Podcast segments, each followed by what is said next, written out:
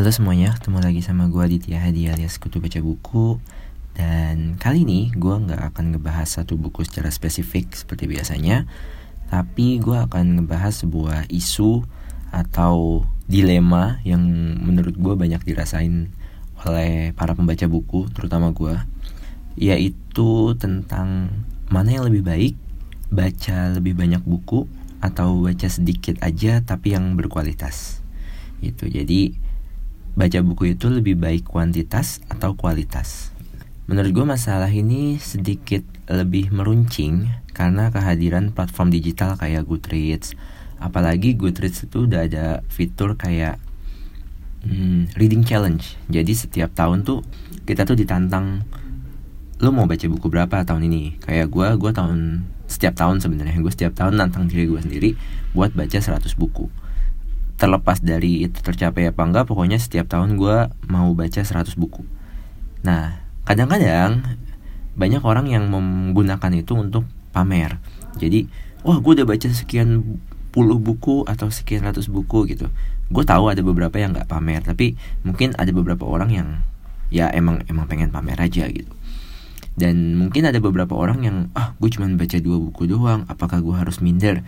Kayak gitu. Jadi masalah ini semakin meruncing menurut gue gara-gara itu. Jadi pertanyaannya lebih banyak baca buku dalam jumlah yang banyak atau lebih baik sedikit aja tapi kita benar-benar memahami isi dari buku yang kita baca tersebut nah kenapa gue tertarik buat ngebahas ini karena baru-baru ini gue baca tweet kayak gue lihat di timeline gue ada seseorang yang nge-tweet dan dia mengutip kata-kata dari seorang tokoh yang namanya Naval Rafikan. Buat yang belum tahu, Naval Rafikan ini adalah uh, pemilik dari Angelis. Angelis itu adalah sebuah jaringan angel investor di Amerika Serikat cukup terkenal, terutama di kalangan startup. Dan ya karena gue follow dia, makanya gue akhirnya ketemu lah uh, tweet ini.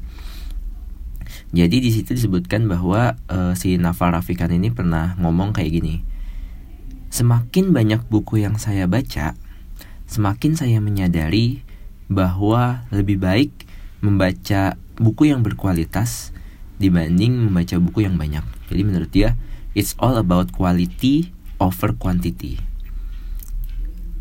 Lebih baik kalau kamu membaca 100 buku terbaik saja berulang-ulang dan memahami isinya. Dibanding kamu baca buku wah saya baca buku sudah baca 100 buku dalam setahun. Besoknya baca buku 100 yang lain lagi besoknya yang 100 lagi sehingga nanti ada kamu baca 1000 buku dan lain sebagainya. Jadi menurut dia buku itu bukan numbers game. Selanjutnya dia mengatakan membaca itu adalah investasi jadi berinvestasilah di tempat yang bisa menghasilkan keuntungan yang banyak buat kamu Sampai situ uh, kutipan pendapat dari Naval Rafikan. Pernyataan ini kemudian coba disanggah oleh Paul Graham. Nah, ini juga orang startup juga. Buat yang tahu ini adalah founder dari Y Combinator. Dan sanggahannya Paul Graham ini gue cukup setuju. Apa sanggahannya? Sanggahannya adalah menurut dia kata-kata dari Naval Rafikan ini bagus sebenarnya, ideal, sangat ideal banget. Kalau emang kita harusnya baca buku mungkin 100 buku atau mungkin 10 buku terbaik aja, terus kita ulang-ulang terus setiap tahun atau sepanjang masa sampai kita meninggal gitu. Tapi menurut Paul Graham, cara ini nggak praktis, bahkan hampir mustahil untuk dilakukan. Kenapa? Ada dua alasan menurut Paul Graham. Kamu nggak tahu 100 buku terbaik itu yang mana? Ya kan? Si Nafarabi kan bilang, bacalah 100 buku terbaik, tapi yang mana gitu? Nah, biasanya untuk kita menemukan buku terbaik tanda kutip, itu ya emang kita harus baca mungkin 1000 buku dulu, baru kita tahu, oh ini ada 100 buku yang bagus. Jadi tetap kita mesti baca buku dalam jumlah yang banyak, baru kemudian kita bisa memilah-milah, oh ini buku bagus, oh ini buku enggak, ini buku bagus, buku enggak gitu. Itu alasan pertama. Alasan kedua, mungkin ada beberapa orang yang mengatakan oh bis daripada kita nyari sendiri mending kita ikutin aja orang lain yang sukses misalnya Bill Gates Bill Gates bilang oh 100 buku yang terbaik sepanjang masa itu A B C D E F G ya udah kita ikutin dia baca buku itu aja. Nah sayangnya Paul Graham mengatakan 100 buku terbaik untuk orang A mungkin akan berbeda dengan orang B. Jadi 100 buku terbaik untuk Bill Gates mungkin gak akan sama sama buku terbaik buat gue karena selera gue sama Bill Gates beda. Gue nggak kebayang kalau Bill Gates yang bacaannya mungkin non banyak non fiksi ini misalnya ya misalnya kebanyakan non fiksi tentang startup dan macam-macam itu diterapkan ke misalnya adik gue adik gue nggak kerja di bidang startup dia seneng komedi stand up komedi dia juga seneng komik dan lain sebagainya. Kalau gue memaksa adik gue buat baca 100 buku terbaik versi Bill Gates dia nggak akan suka. Bahkan menurut dia ini adalah 100 buku terjelek yang pernah dia baca mungkin. Menurut Paul Graham ada dua alasan kenapa pernyataan kalau quality over quantity itu nggak praktis. Karena pertama untuk mencari 100 buku terbaik kita harus baca lebih banyak buku biar ketemu. Kedua 100 buku terbaik untuk orang A bisa jadi beda dengan orang B gitu. Nah menurut gue ada lagi sebenarnya alasan ketiga. Apa itu alasan ketiga? 100 buku oke okay, misalnya gue udah nemu nih 100 buku terbaik buat gue bisa sih gue berhenti di situ aja. Tapi sayangnya buku terbaik menurut gue akan berbeda seiring dengan bertambahnya usia gue kalau waktu gue anak-anak gue paling suka buku lima sekawan apa-apa dan sampai sekarang gue masih suka. Tapi gue di umur 30 sekarang gue di umur 40 gue di umur 50 pasti interest gue akan beda. Gue bisa aja bikin oke okay, gue bikin daftar 100 buku terbaik versi gue tapi ketika itu gue bikin ketika umur 20 tahun. Ketika umur 30 tahun ada buku baru lagi yang masuk. Gue mesti ganti-ganti mesti ubah-ubah. Ujung-ujungnya gue harus baca lebih banyak buku. Gue nggak bisa stop di 100 buku aja. Kalau buat orang-orang yang masih berpikiran ah oh, udahlah kita cari buku yang sedikit aja gue nggak mau baca buku yang lain gitu. Menurut gue itu justru kayak mempersempit ruang atau pikiran kalian sih gitu lalu bagaimana dengan orang-orang yang lebih condong untuk baca buku banyak-banyak? Nah menurut gue uh, ini juga nggak bagus juga gitu. Kalau kalian baca buku banyak-banyak tapi kalian nggak menyerap isinya gitu. Jadi intinya menurut gue adalah baik orang yang memilih untuk yaudah gue baca buku sedikit aja tapi bacanya dilama-lamain karena gue mau menyerap isinya boleh itu bagus buat kalian. Tapi buat orang lain yang oh gue mau baca buku sebanyak mungkin karena gue mau cari mana buku yang terbagus terlepas dari mana yang apa terlepas dari nanti gue nggak ngerti isinya kan gue nanti bisa baca ulang itu karena kecepatan membaca mereka cepat gitu oke itu juga bagus buat kamu jadi dua-duanya menurut gue nggak ada yang salah. Ada yang terbaik bagaimana? Yaitu ketika seseorang bisa baca buku dalam jumlah yang banyak, tapi juga berkualitas alias dia bisa menyerap isinya secara dalam. Tapi gue tahu itu bakal susah banget. Dan banyak orang yang kayak nanya-nanya gue kayak gimana sih dit bisa baca buku dalam waktu yang cepat terus tapi bisa tetap nangkep isinya gitu-gitu. Sejujurnya gue sama sampai saat ini belum tahu jawabannya. Beberapa orang ada yang nyaranin, "Oh, ini pakai aplikasi yang namanya Blinkist aja." Mungkin teman-teman ada yang tahu Blinkist itu uh, adalah sebuah aplikasi yang di dalamnya kalau kita buka itu ada sinopsis dari sebuah buku. Uh, bukan sinopsis sih, sinopsis itu kan kayak cuman beberapa paragraf doang ya ini kayak sebuah buku dirangkum sehingga bisa dinikmati yang tadinya bisa baca kita harus baca dalam waktu 3-5 jam ini cuma dalam waktu misalnya 15 menit aja gitu jadi udah dikompres isinya. Dan beberapa ada mayoritas dari buku yang di situ kita bisa nikmati dengan cara berbayar gitu. Nah gue kurang suka dengan Blinkist. Jujur ini ini pribadi ya. Gue kalau misalnya di luar sana ada yang suka sama Blinkist silahkan. Tapi gue pribadi gue nggak suka dengan Blinkist. Kenapa? Gue pernah coba baca satu buku secara full dan gue baca Blinkistnya. Kesan yang gue dapat itu beda banget ketika gue baca full gue bisa dapat makna seluruhnya dari oh ini uh, pengarang ini mau maksudnya ini ini ini ini ini. Dan ketika gue baca blinkisnya itu gue nggak dapat sama sekali. Jadi daripada gue mengorbankan quality tadi ini balik lagi ke quality mendingan gue meluangkan lebih banyak waktu untuk membaca buku itu secara full. Balik lagi ke pertanyaan bagaimana caranya kita baca buku dalam jumlah yang banyak tapi tetap berkualitas cara satu-satunya sebenarnya ya kalian harus meluangkan lebih banyak waktu untuk membaca. Dengan gitu pasti buku yang kalian baca akan lebih banyak gitu kan. Tapi gue ngerti banget uh, ada banyak orang yang sibuk kerja sibuk uh, ketemu teman sibuk di keluarga dan sebagainya sehingga mungkin waktunya untuk membaca buku dalam satu hari mungkin hanya satu jam mungkin atau dua jam gitu. Nah tapi kalian juga pengen tetap pengen baca buku dalam jumlah yang banyak dan berkualitas juga. Ada beberapa teknik yang namanya fast reading atau membaca dengan cepat tapi sejujurnya saat ini gue belum nemu mana teknik yang bisa pas buat semua orang terutama buat gue jadi gue sendiri belum nemu teknik fast reading yang cocok buat gue paling gue bisa menyarankan untuk beberapa kasus yang pernah gue coba dan itu berhasil. Contoh gue pernah baca buku Da Vinci Code. Nah sejenis nih gue ngambil contoh Da Vinci Code ya. Cuman waktu itu gue bacanya buku fiksi yang serupa dengan itu. Dan cara baca gue yang cepet gimana? Cara bacanya adalah gue suka nge-skip skip bagian dari buku itu yang menurut gue nggak penting. Bagaimana kita cara taunya kalau itu nggak penting biasanya kan kalau buku Da Vinci Code itu kan buku fiksi ya. Jadi ada alur ceritanya dan biasanya ketahuan oh dari gereja A kan kalau biasa ya Dan Brown itu bikin buku ada kayak gerejanya ada kayak museumnya gitu gitu dari museum A dia mau ke gereja B.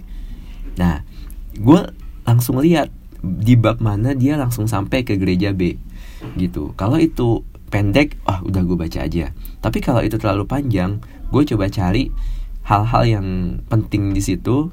Kan ujung-ujungnya dia juga akan ke gereja B juga kan.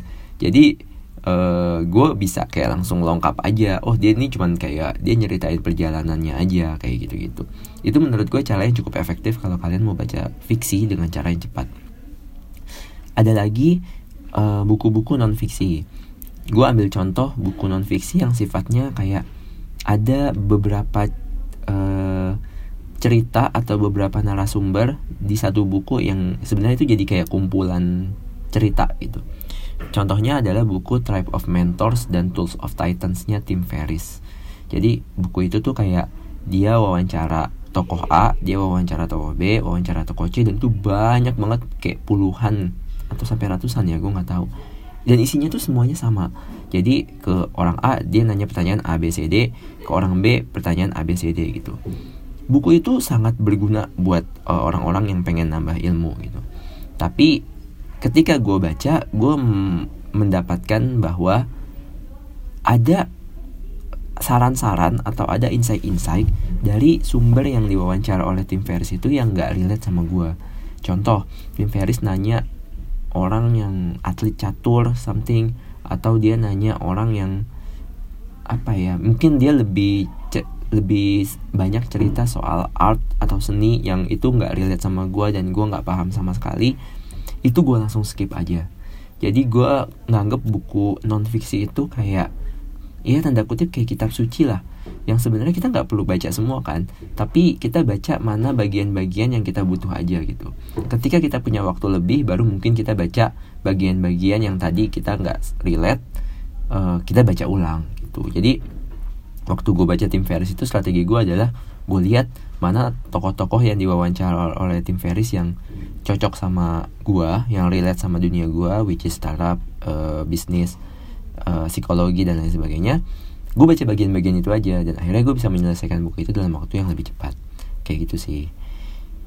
Dan cara ini bisa berbeda-beda untuk semua orang. Jadi intinya uh, gue menyarankan bagi kalian yang ingin membaca buku nggak mm, usah ter di nggak usah terganggu dengan omongan orang oh baca kok cepet banget sih gitu. Oh baca kok uh, atau malah ada orang yang eh lu kok baca lama banget sih? Gue aja udah baca 50 buku lu baru baca satu buku gitu. Jangan terpengaruh dengan semua itu. Karena sebenarnya mencari ilmu itu adalah persaingan dengan diri sendiri menurut gue bukan persaingan dengan orang lain. Cara setiap orang menuntut ilmu itu beda-beda. Dan kecepatan orang dalam menyerap ilmu juga beda-beda. Tapi bukan artinya orang yang tanda kutip misalnya lebih banyak baca buku itu akan jadi lebih pintar daripada orang yang lebih sedikit baca buku. Karena mungkin yang lebih cepat itu dia nggak ngambil quality intisari dari buku itu.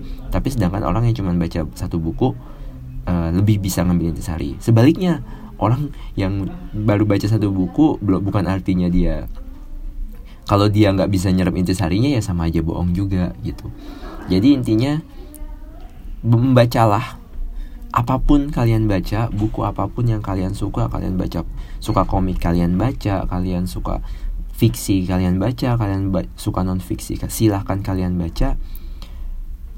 Terus bangun habit gitu, selesai baca yang satu, berapa lama pun, misalnya oh gue baca satu buku dalam waktu seminggu, oke okay, nggak masalah, e, langsung gerak ke buku yang berikutnya, kemudian atau orang lain uh, atau ada orang yang kayak baru selesai satu komik dalam waktu satu bulan atau ada satu orang yang uh, baru selesai satu buku fiksi dalam waktu dua bulan it's okay.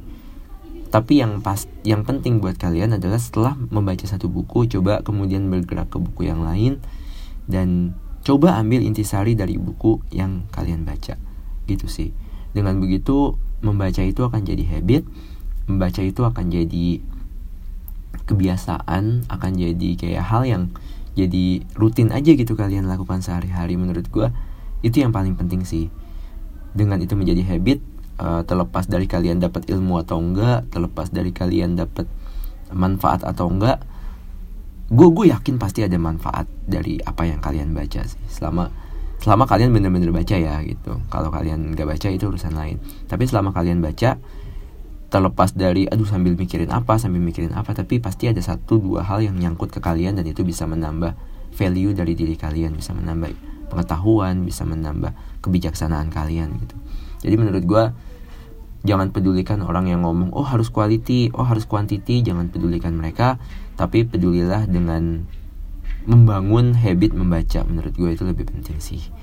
Sekali lagi ini pendapat pribadi gue mungkin ada orang-orang yang punya beda pendapat silahkan aja uh, kasih komentar di podcast ini bisa di Instagram gue @aditya_hadi, Facebook gue @aditya_hadi, Twitter gue @adhyat underscore ya atau uh, email di aditya.hadi@gmail.com. Paling yang mau gue saranin lagi, ini bukan iklan ya, tapi kayak menurut gue klub buku alias temen yang bisa kalian ajak diskusi untuk ngomongin buku itu penting sih. Jadi kalian mungkin kalian baca buku A nih kalian baca wah kok gue nggak bisa dapat apa-apa ya? Gitu. Tapi ketika kalian baca kalian ketemu sama teman kalian yang udah baca juga dan kalian ngobrol mungkin teman kalian itu bisa menunjukkan eh sebenarnya ada hal ini ini ini loh di buku yang sama. Karena du cara pandang dua orang terhadap satu buku yang sama itu bisa jadi beda.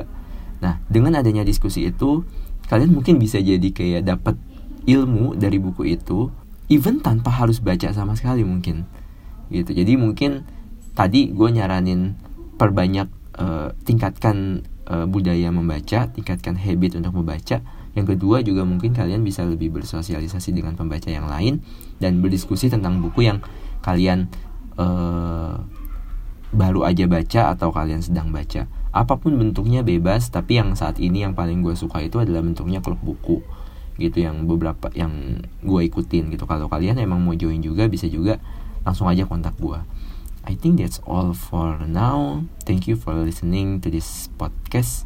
See you and ciao